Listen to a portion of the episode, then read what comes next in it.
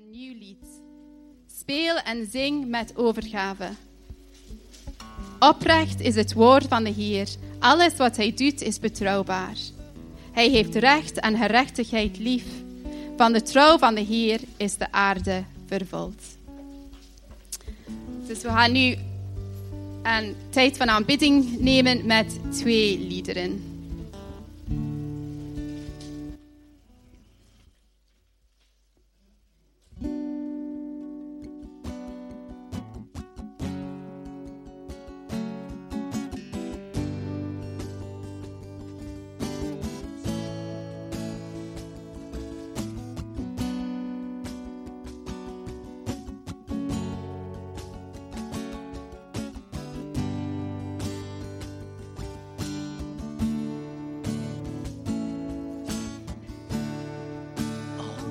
music,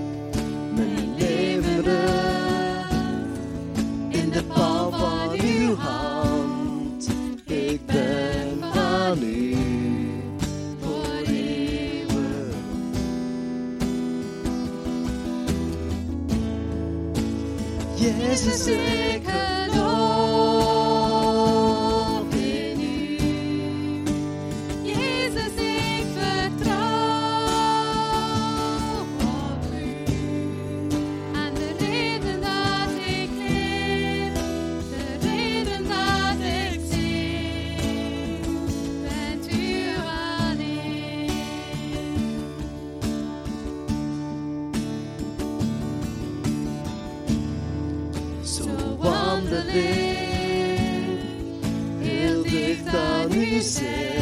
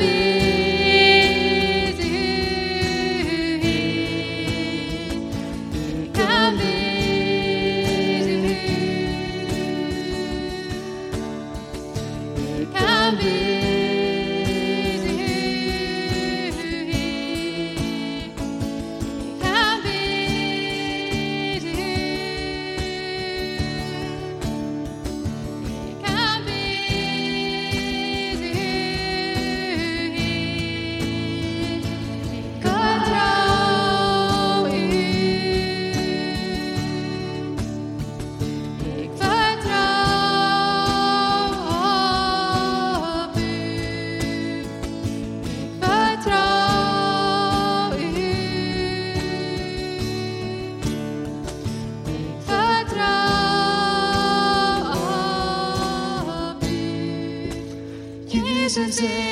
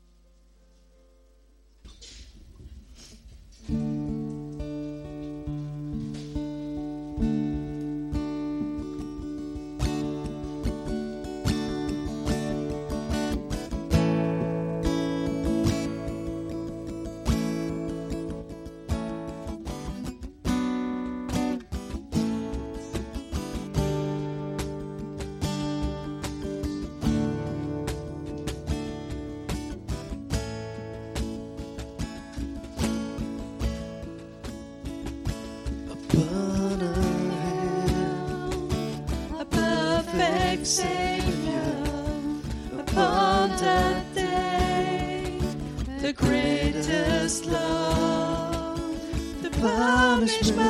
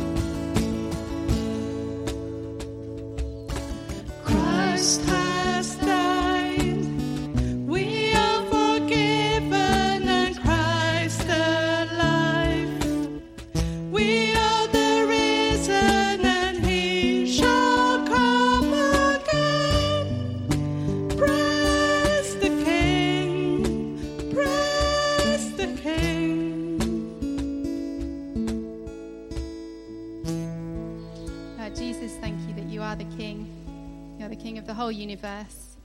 And we thank you that we have the privilege of coming into your presence this morning through your death on the cross. And we thank you so much for your grace. We thank you so much that we can come close to you, Lord. Amen. Het is nu tijd voor ons kindermoment.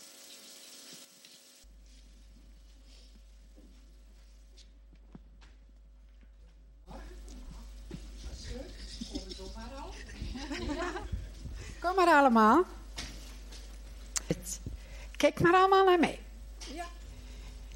Zeg, jullie denken misschien dat ik het eh, zomaar de zondag hier soms een leuk verhaaltje kom vertellen. Misschien is dat wel zo, maar op die manier doe ik dat niet. Tijdens de week, de week die gepasseerd is, dan bid ik en dan vraag ik aan de Heere God wat moet ik het zondag vertellen aan de kinderen? Hè, Het is niet zomaar dat ik een verhaaltje neem. En de week die gepasseerd is, is voor mij ook heel druk geweest. En je weet, op het einde van het schooljaar zijn er heel veel dingen te doen. En ik denk dan daarover na.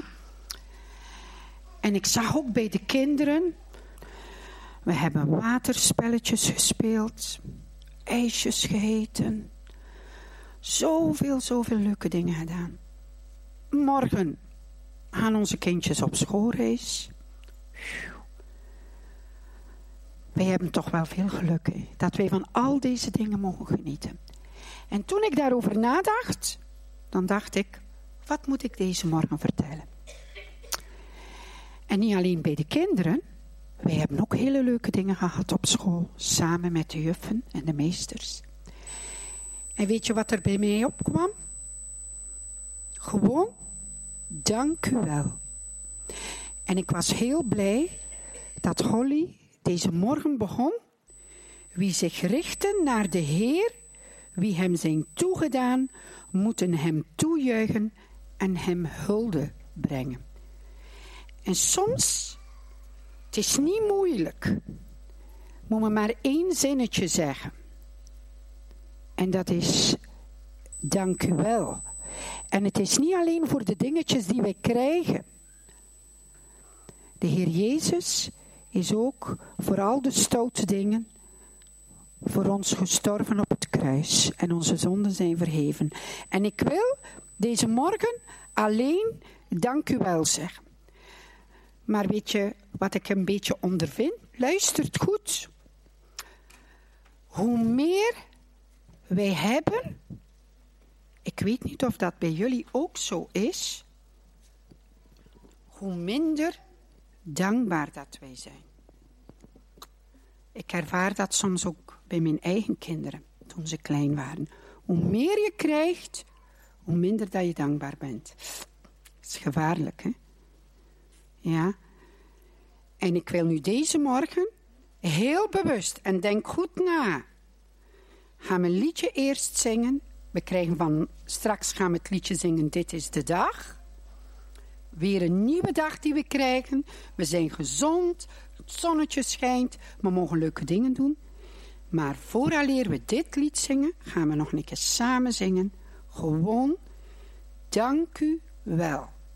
En vergeet niet, kinderen, ook naar jullie mama en papa, naar de juffen en de meesters, dank u wel. Vergeet het niet, hè, want wij zijn wel gelukzakken. Hè? Ja, goed, we gaan samen zingen met het filmpje. En zing maar volle borst, met volle borst mee. Ja.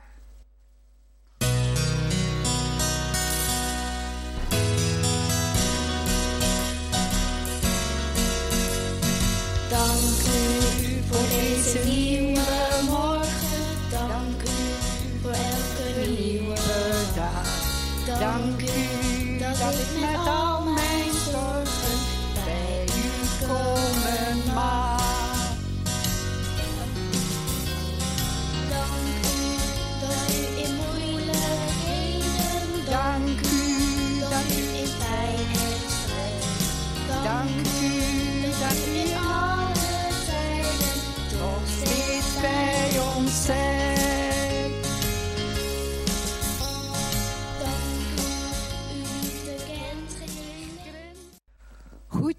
Gaan jullie het goed onthouden? Ik ga het vragen aan jullie mama en papa's. Ja, dank u wel. Goed, en we krijgen weer een nieuwe dag. En we zijn daar heel blij mee. We zijn de Heere God heel dankbaar. En we zingen, dit is de dag die de Heer ons geeft. Ja,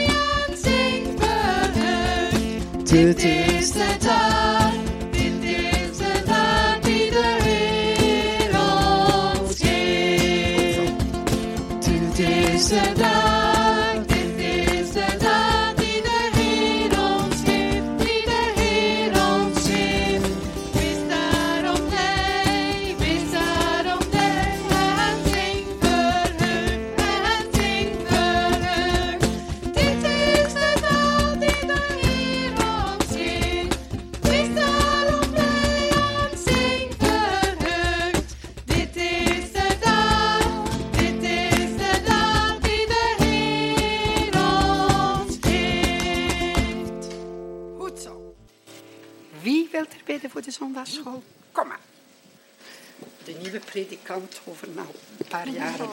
Ja.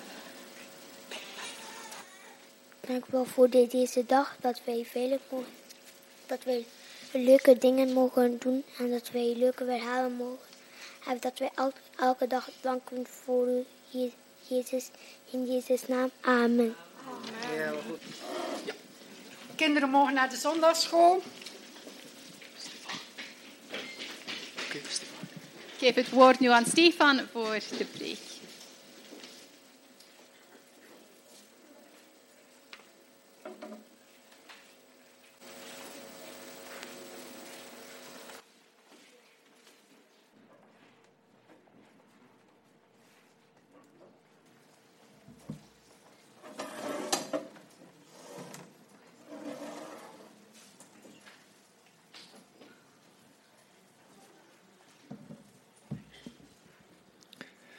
Goedemorgen iedereen.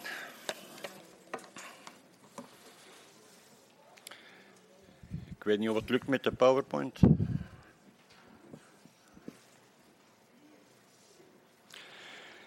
Nu, vandaag zou ik graag een aanvulling geven op mijn laatste prediking. En misschien herinnert u zich toch, die nog. Het ging over onze roeping. Waar laat Gods geest je hart het hart voor kloppen, weet je nog? Ja, waarom moeten we gevolg geven aan die roeping? Maar laten we eerst de zegen vragen. Hemelse Vader, dank u wel dat we hier deze voormiddag opnieuw mogen samenkomen in, in alle vrijmoedigheid, in alle openheid. Ik wil wil u zegen vragen over eh, het woord van vandaag. Gebruik mij als een instrument in uw handen, Heer, want zonder u kan ik het niet. Laat me spreken met de kracht van uw geest. En doorwaai deze ruimte met, met uw geest, heren. En beroerde harten die moeten beroerd worden. Vraag u in Jezus' naam. Amen. Veertien dagen geleden eh, moest ik spreken in de gemeente Marcus in Ichtegem. En de zangleiding werd gedaan door een oudere vrouw die elk lied voorzag van commentaar, zoals wij dat vroeger ook deden. En van al wat ze zei herinner ik mij nog slechts één klein simpel zinnetje. En dat is bij mij blijven plakken. En dat was wanneer ze zei, beseffen wij wel wie God is. Ik heb in het verleden deze zin ook wel meerdere keren naar voren gebracht, maar blijkbaar was het bij mezelf nog niet doorgedrongen dat deze zin nu zo duidelijk op mijn hart moest worden geprint. U kent misschien wel het verhaal van Mike King, waar een Amerikaanse predikant een poging doet om God, om, om te beschrijven wie God is. En ik ga daar een stukje, een stukje van nemen om te beginnen en om te eindigen. En daarin proclameert hij dat God de koning is der gerechtigheid. Hij is de koning der hemelen. Hij is de koning der glorie. Hij is de koning der koningen en de heer der heren. Maar daarmee doen wij God tekort. Hij is een God van liefde, maar geen enkel meetinstrument kan zijn eindeloze liefde meten. Geen obstakel kan hem tegenhouden om zijn zegeningen over ons uit te storten. Zijn kracht kent geen zwakte. Hij is volkomen oprecht. Hij is voor eeuwig onwankelbaar. Zijn barmhartigheid is onverslijdbaar. Zijn genade is onpartijdig, maar daarmee doen wij God tekort. Het is niet voldoende om dit voor te lezen, maar dringt het, diep tot ons door. Hij is de bron der wijsheid. Zijn beloften zijn betrouwbaar, zijn genade is voor eeuwig, zijn goedheid kent geen grenzen. Maar ook met dit alles doen wij hem tekort. Ik zou willen dat ik hem aan jullie kon beschrijven, maar hij is onbeschrijfelijk. Hij is God, hij is onoverwinnelijk, hij is onweerstaanbaar. Hoe groot God ook is in onze gedachten, het zal altijd nog maar een fractie zijn van de werkelijkheid. En als we nog maar deze fractie van zijn grootheid weten, moet al reden genoeg zijn om het dan diep tot ons te laten doordringen dat van zodra u Jezus aannam als uw persoonlijke redder, dat u dan tegelijk dienaar werd van die Allerhoogste God. Dienaar van God, van wie ik zo net een fractie heb beschreven van, van wie hij is. En het moet voor ons een onnoemelijke eer zijn om dienaar te mogen zijn van deze onbeschrijfelijk machtige God. Bent u daarmee eens? Hoe mogen wij hem dienen? Jezus heeft ons het voorbeeld gegeven, want hij is gekomen als een dienaar.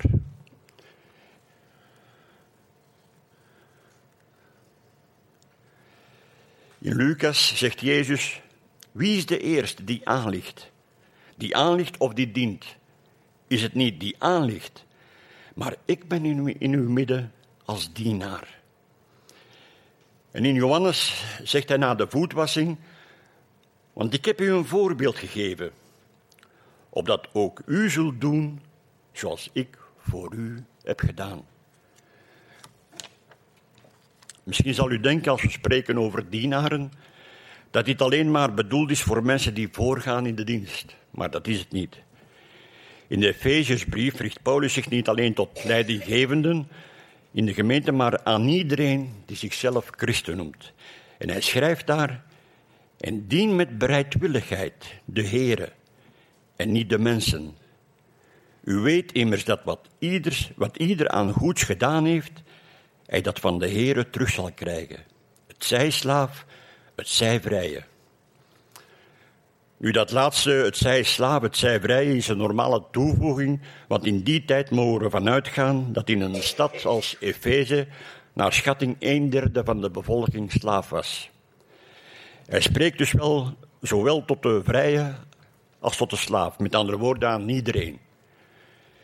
En daarom moeten we goed beseffen dat we allemaal dienaren zijn van de Allerhoogste God. Het is een erevolle, levenslange opdracht. Maar hoe kunnen we die taak opnemen? En ik wil met u lezen in Johannes 12, vanaf eh, vers 24. Jezus kwam hier aan het einde van zijn aardse bediening en vertelt aan zijn discipelen kort wat er gaat gebeuren. En hij zegt daar iets heel belangrijk. Voorwaar, voorwaar, ik zeg u, als het tarwekorrel niet in de aarde valt en sterft, blijft hij alleen. Maar als hij sterft, draagt hij veel vrucht. Wie zijn leven lief heeft, zal het verliezen. En wie zijn leven haat in deze wereld, zal het behouden tot het eeuwige leven. Als iemand mij dient, laat hij mij volgen. En waar ik ben, daar zal ook mijn dienaar zijn. En als iemand mij dient, zal de Vader hem heren. Wat hij hier zegt is dit. Als we Jezus willen volgen, als we hem willen dienen en vrucht dragen, dan moet er iets drastisch gebeuren in ons leven. We moeten bereid zijn te sterven aan onze oude mens. De oude mens die dat zijn zin wil doen. Het oude ego dat wil dienen waar we zelf willen dienen. En doen wat we zelf willen doen.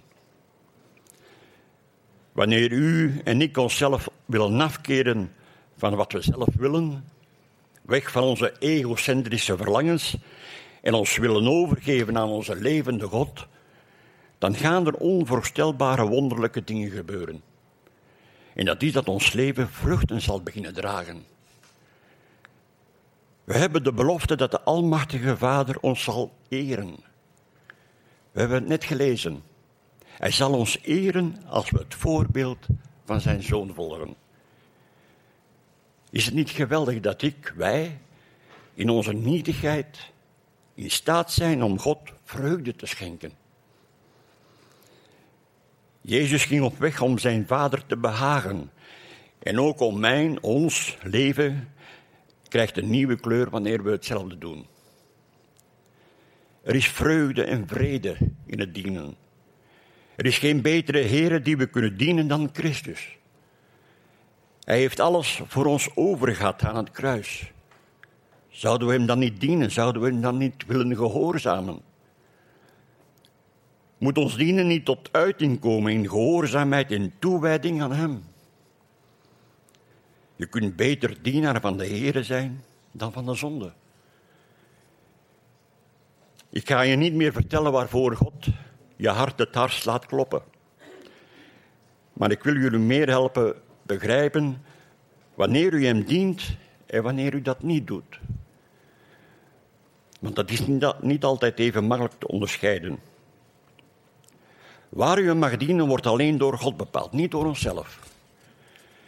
En zoals ik de vorige keren ook al heb gezegd, is het dienen van God niet beperkt tot dit kerkgebouw. Als je bijvoorbeeld oprecht inspant voor het reilen en zeilen van je gezin, dan dien je God.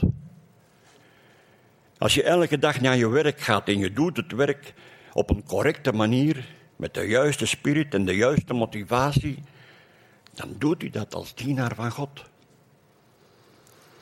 Of u kan lesgeven in de zondagschool, muziek spelen, zingen, koffie zetten, kuisen, koster zijn, potscherven opmaken of wat ook. Als de motivatie goed zit, dan doet u dat als dienaar van God.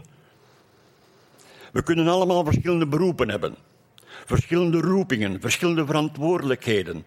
Maar de kern is, we zijn allen dienaren van de levende God. In Colossense 1 lezen we dat hij ons heeft geschapen voor hemzelf. Want door hem. Want door hem zijn alle dingen geschapen die in de hemelen en die op de aarde zijn, die zichtbaar en die onzichtbaar zijn. Tronen, heerschappijen, overheden of machten. Alle dingen zijn door hem en voor hem geschapen.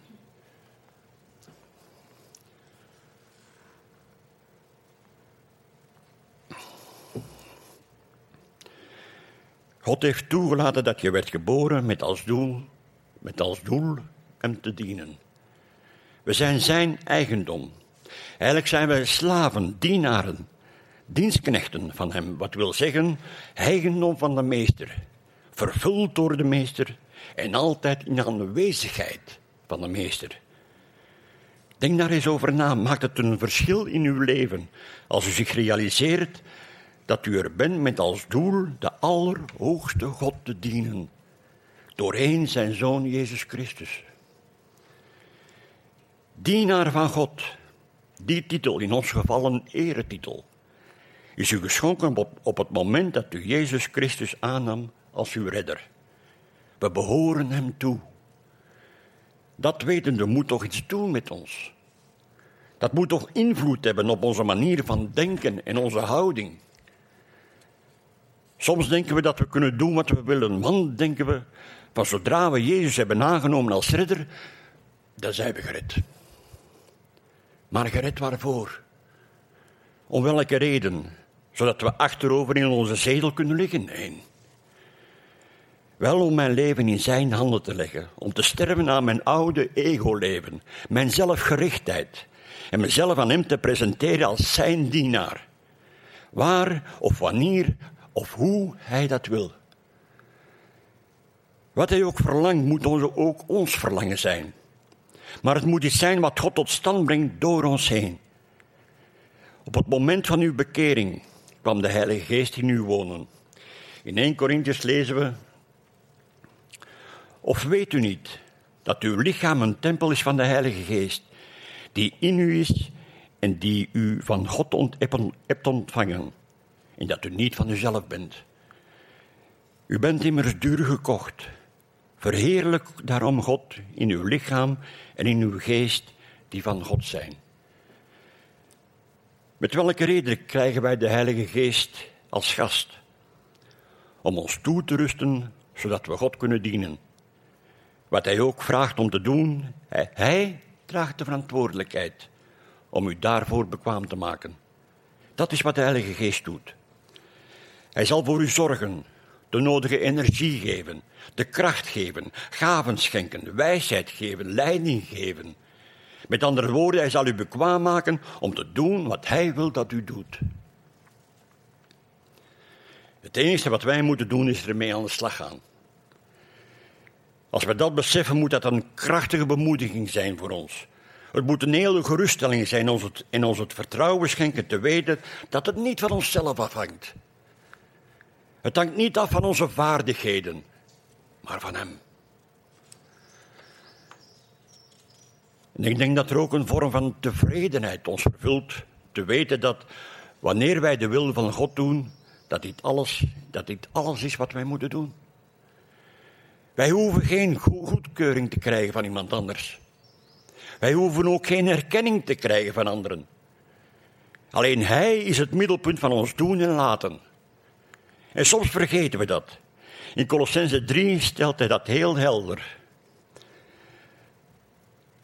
Slaven, wees in alles uw aardse eren gehoorzaam. Niet met ogendienst als om mensen te behagen, maar oprecht van hart, in het vrezen van God. En alles wat u doet, doe dat van harte, als voor de Heere en niet voor mensen, in de wetenschap dat u van de Heere als vergelding de erfenis zult ontvangen, want u dient de Heere Christus. Dit is wat hij zegt. We moeten hem dienen waar wij ook zijn. Wat het ook mag zijn, alsof het voor de Heere zelf is. De vraag is dus, wat ga je doen op je dagelijks werk? Gaat u te werk alsof het voor de Heere zelf is? Die attitude gaat invloed hebben op datgene wat, waar we op gericht zijn. Ook al kan ik misschien mijn baas niet uitstaan, maar toch accepteerde ik de job.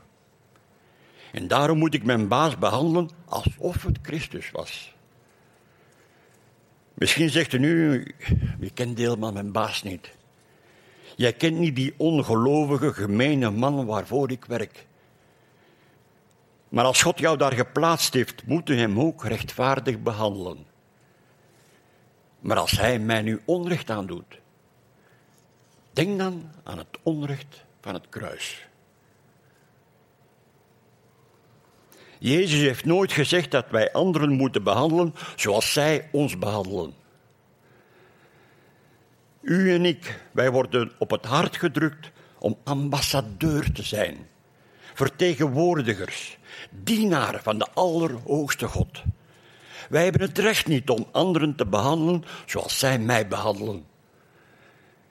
Ik moet hen behandelen alsof zij Christus zijn. Dat is in gehoorzaamheid aan God. Misschien zegt iemand wel veronderstel dat zij iets vragen wat onethisch is. Ongoddelijk, gemeen, immoreel. Dat is een heel ander verhaal. Omdat Jezus dat nooit zou vragen. Uiteraard moet je daar niet op ingaan. Wanneer, wanneer u erkent dat u de Allerhoogste God gaat dienen, hoe gaat u hem dan dienen?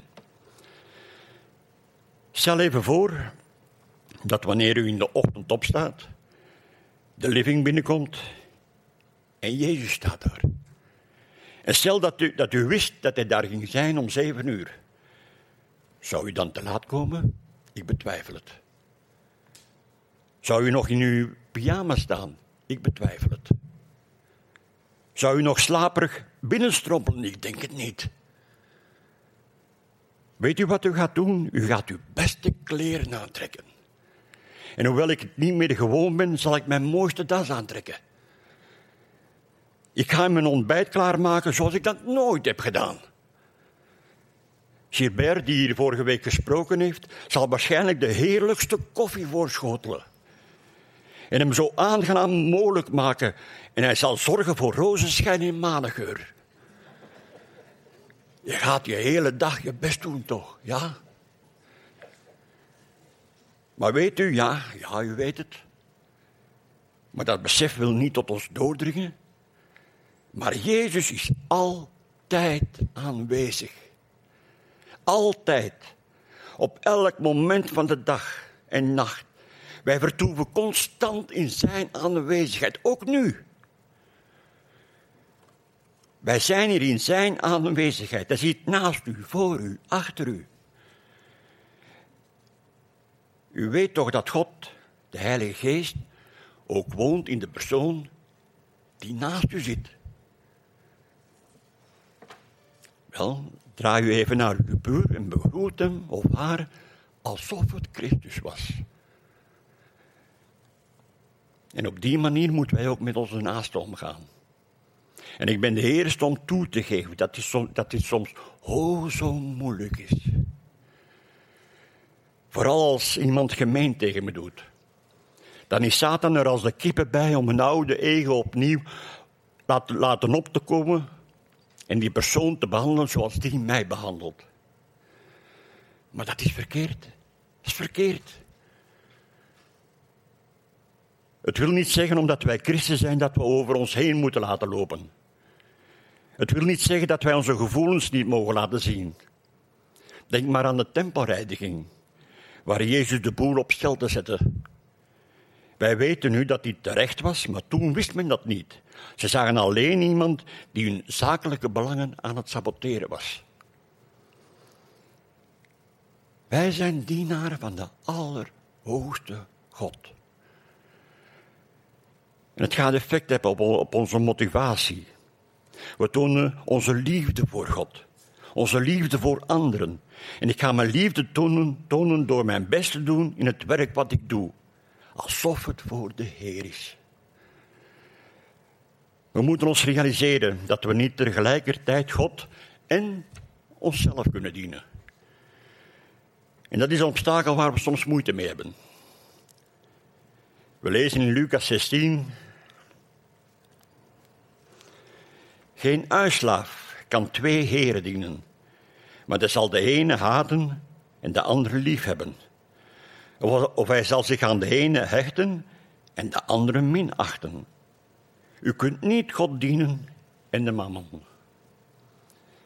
U kan God niet dienen op basis voor wat u ervoor voor gaat krijgen. U kan bijvoorbeeld dienen in de kerk, u kan daar een bediening opnemen, gelijk wat. U kan dat gerust doen zonder dat u daarmee God dient. Als u dient bijvoorbeeld met het doel om erkenning te krijgen, of welk doel het ook mag zijn, dan is dat een verkeerd doel. Een verkeerde motivatie. U kan zelfs vele goede dingen doen. Dat het lijkt alsof dat u andere mensen dient, maar de waarheid is dat u het doet voor erkenning, omdat uw ego er zo naar verlangt. Dat is zelfbediening. In Johannes 7 lezen we. Wie vanuit zichzelf spreekt, zoekt zijn eigen eer. Maar wie de ere zoekt van hem die hem gezonden heeft, die is waarachtig en geen ongerechtigheid is in hem. We moeten sterven aan onszelf. U moet uzelf dus de vraag stellen: dien ik God of dien ik mezelf? Wanneer mijn eerste zorg uitgaat naar de nood van mijn medemens, voor de glorie van God en voor het werk in zijn koninkrijk, als ik bereid ben om de nodige aanpassingen te maken in mijn persoonlijk leven, dan dienen we God. Ook wanneer hij u een moeilijke taak geeft, dan moeten we in vertrouwen zeggen: Heer, als het dat is wat u wil, dan ga ik niet denken of ik daarvoor wel bekwaam ben. Nee, als u wil dat ik dat doe, dan zal ik het doen. En dan weten we dat we de juiste houding hanteren. We weten dat wanneer we met een nederige houding te werk gaan, dat we God dienen. Nederigheid wil niet zeggen dat je zwak of soft bent. Nee, het wil zeggen dat je sterk genoeg bent om toegevingen te doen. Wijs genoeg om toe te geven aan de ontzagwekkende hand van God en aan de wil van God. Jezelf nederig opstellen wil zeggen dat we ons niet hoger moeten achten dan we in werkelijkheid zijn. We zien onszelf niet in de een of andere voorname positie staan, maar als dienaar van de geweldige God die wij hebben. We zijn dienaren, geen meesters. We mogen de omstandigheden niet manipuleren. We mogen God niet voorgaan en niet nemen wat niet van ons is. Ofwel dien ik God, ofwel dien ik mezelf. In Galaten 1 lezen we. Want ben ik nu bezig mensen te overtuigen? Of God? Of probeer ik mensen te behagen? Als ik immers nog mensen behaagde, zou ik geen dienstknecht van Christus zijn. Wanneer we meer bezorgd zijn over de opinie van mensen en wat zij denken van ons, dan wat God over ons denkt. Wanneer ik voortdurend op zoek ben naar complimenten, dan dienen we God niet. We zijn dan meer bezig met erkenning van anderen, hun gejuich, applaus, de daaraan verbonden voordelen, wat die ook mogen zijn. Wanneer die mentaliteit over ons heerst en onze richting aanwijst, zijn we geen, zijn we geen dienaren van God. Dan bedienen we onszelf. Dienaren ontfutselen, ontfutselen geen complimenten van degene die ze dienen. Als we God dienen, dan hoeven we niets te manipuleren. Ja toch?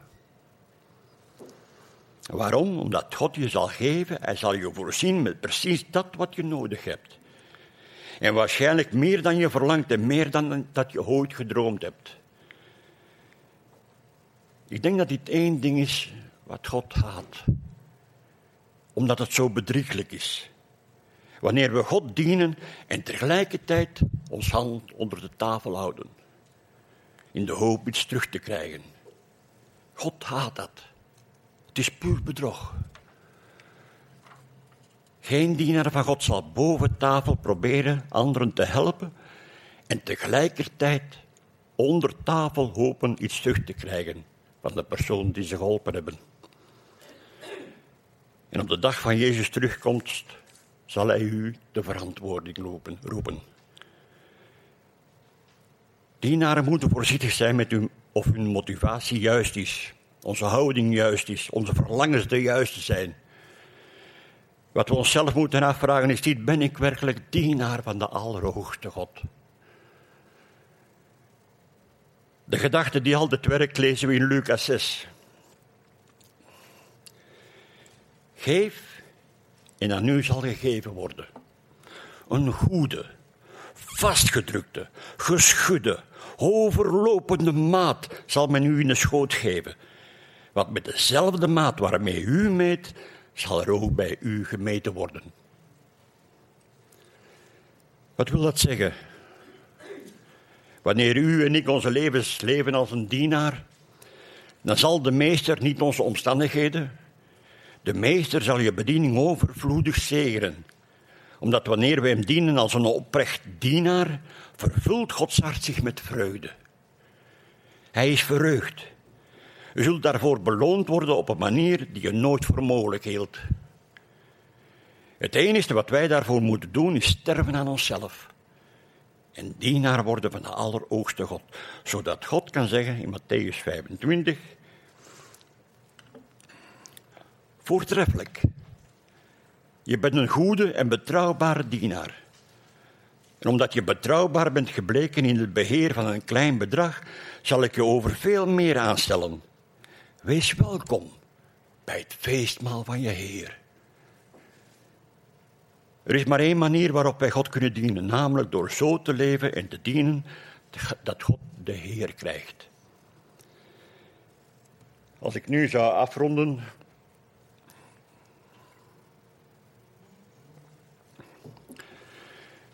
Als ik nu zou afronden, zullen er misschien wel enkele zijn die met een bezwaard hart naar huis gaan. Want wie kan zo'n dienaar zijn? Er was er maar één die de perfecte dienaar kon zijn en dat was Jezus. Op alle vlakken is hij verzocht geweest zoals wij, maar hij was zonder zonde. Hij was en is de enige. Wij allemaal zijn zondaars. We lopen allemaal wel eens met het hoofd tegen de muur. Of struikelen al eens. Zolang we maar recht staan en opnieuw wandelen in Jezus' voetstappen. In Spreuken 24 lezen we, want al valt een rechtvaardige zevenmaal, hij staat weer op. Wie kent al eens geen zwak moment? Maar dan lezen we in 1 Johannes. Ik ben er eentje achter. Dan lezen we Johannes. Mocht één van u echter toch zondigen, dan hebben wij een pleitbezorger bij de Vader. Jezus Christus, de rechtvaardige. Oef, oef.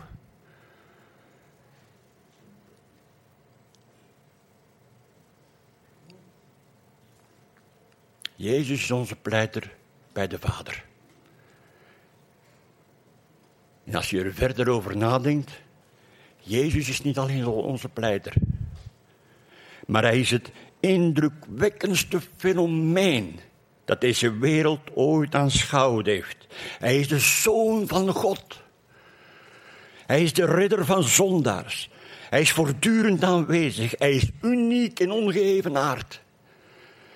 Niemand kon hem ooit betrappen op een leugen, omdat hij altijd de waarheid spreekt. Hij is de waarheid.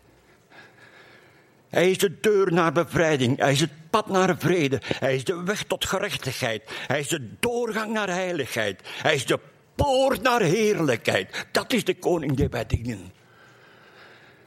Hij geneest de zieken, hij reinigt melaatsen, hij vergeeft zondaars.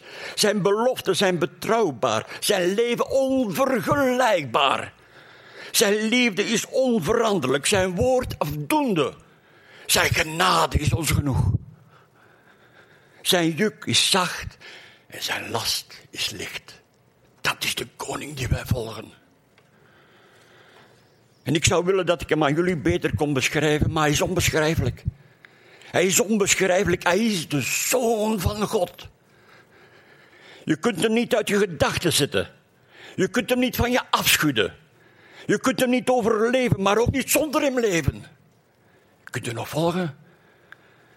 De fariseeërs konden hem niet uitstaan, maar konden hem ook niet stoppen. Pilatus kon geen fout in hem ontdekken. De getuigen konden niet tot overeenstemming komen. Herodes kon hem niet vermoorden. De dood kon hem niet grijpen en het graf kon hem niet vasthouden. Dat is de koning in wiens voetstappen wij mogen wandelen. En van hem, en van hem, het koninkrijk en de kracht en de heerlijkheid voor eeuwig en eeuwig en eeuwig. En aan het eind van al die eeuwigheden zeggen we amen, amen, amen. Amen.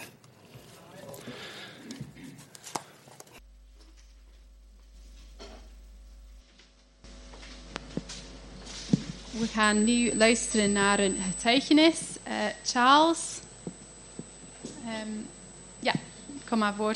En David zal vertalen.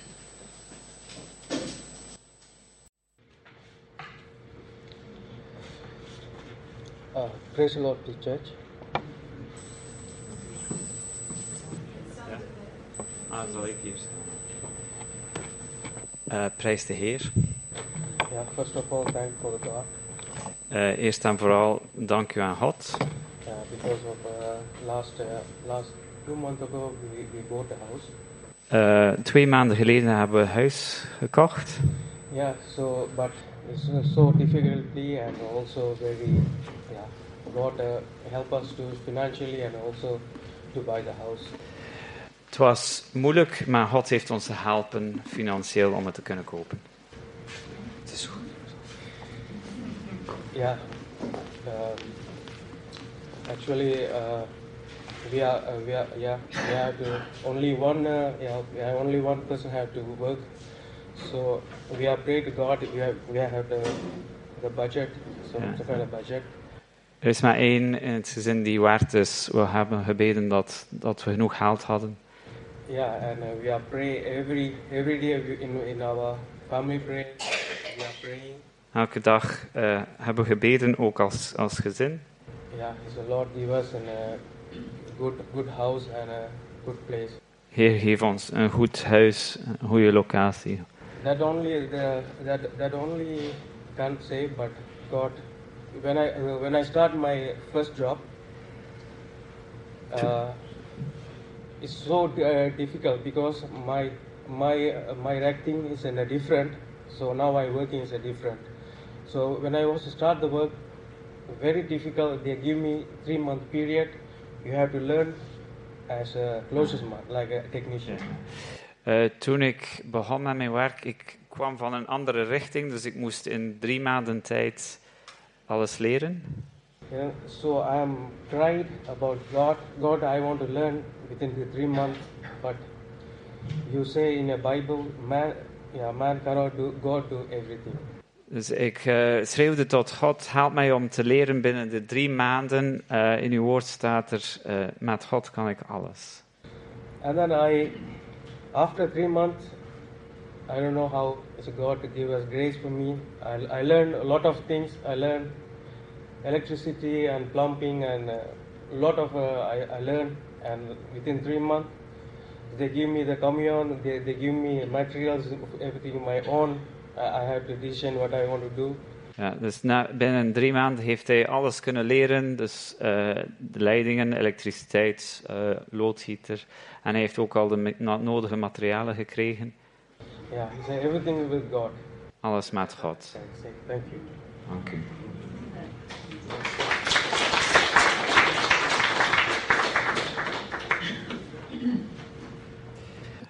We gaan nu even bidden voor Charles en Josephine Lilly. En eh, God danken voor het werk eh, dat hij doet in hun leven. Hemelse Vader, dank u wel voor deze mooie getuigenis. Dank u wel inderdaad dat u voorziet. Dat u voorziet voor ons allen. En in bijzonder danken wij nu dat u ook hebt voorzien voor Charles en Josephine Lilly en hun kinderen. Dat ze hebben een huis kunnen vinden. Eh, dat u ook hebt financieel voorzien voor hen. Voor hun werk dat Charles graag doet en dat hij kan doen. Heer, u bent goed. U bent een goede vader. U zorgt voor ons. En wij danken u en wij prijzen u daarvoor, Heer. Amen.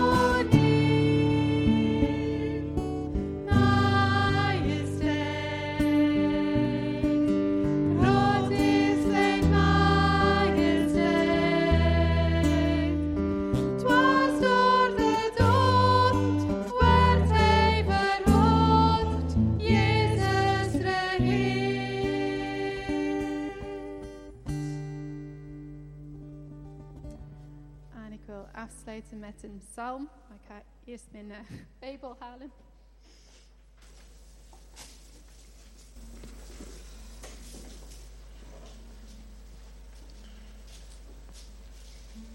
Ik ga ietsje verder lezen in Psalm 33. Het oog van de Heer rust op wie hem vrezen en hopen op zijn trouw. Hij zal hen redden in doodsgevaar, bij hongersnood zal hij hun leven sparen. Wij verwachten vol verlangen de Heer. Hij is onze hulp en onze schild. Ja, om hem is ons hart verblijd. Op zijn heilige naam vertrouwen wij. Schenk ons uw trouw, Heer. Op u is al onze hoop gevestigd. En voordat we eindigen vandaag, dan dat David nog een mededeling had.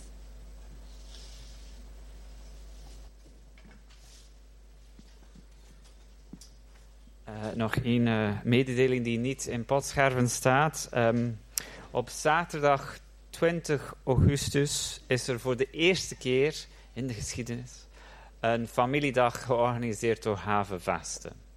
En de bedoeling is dat voor Hans de familie is, dus er zullen springkastelen zijn voor de kinderen, picknicks, er zijn ook workshops rondom verschillende werkingen binnen Havenvesten.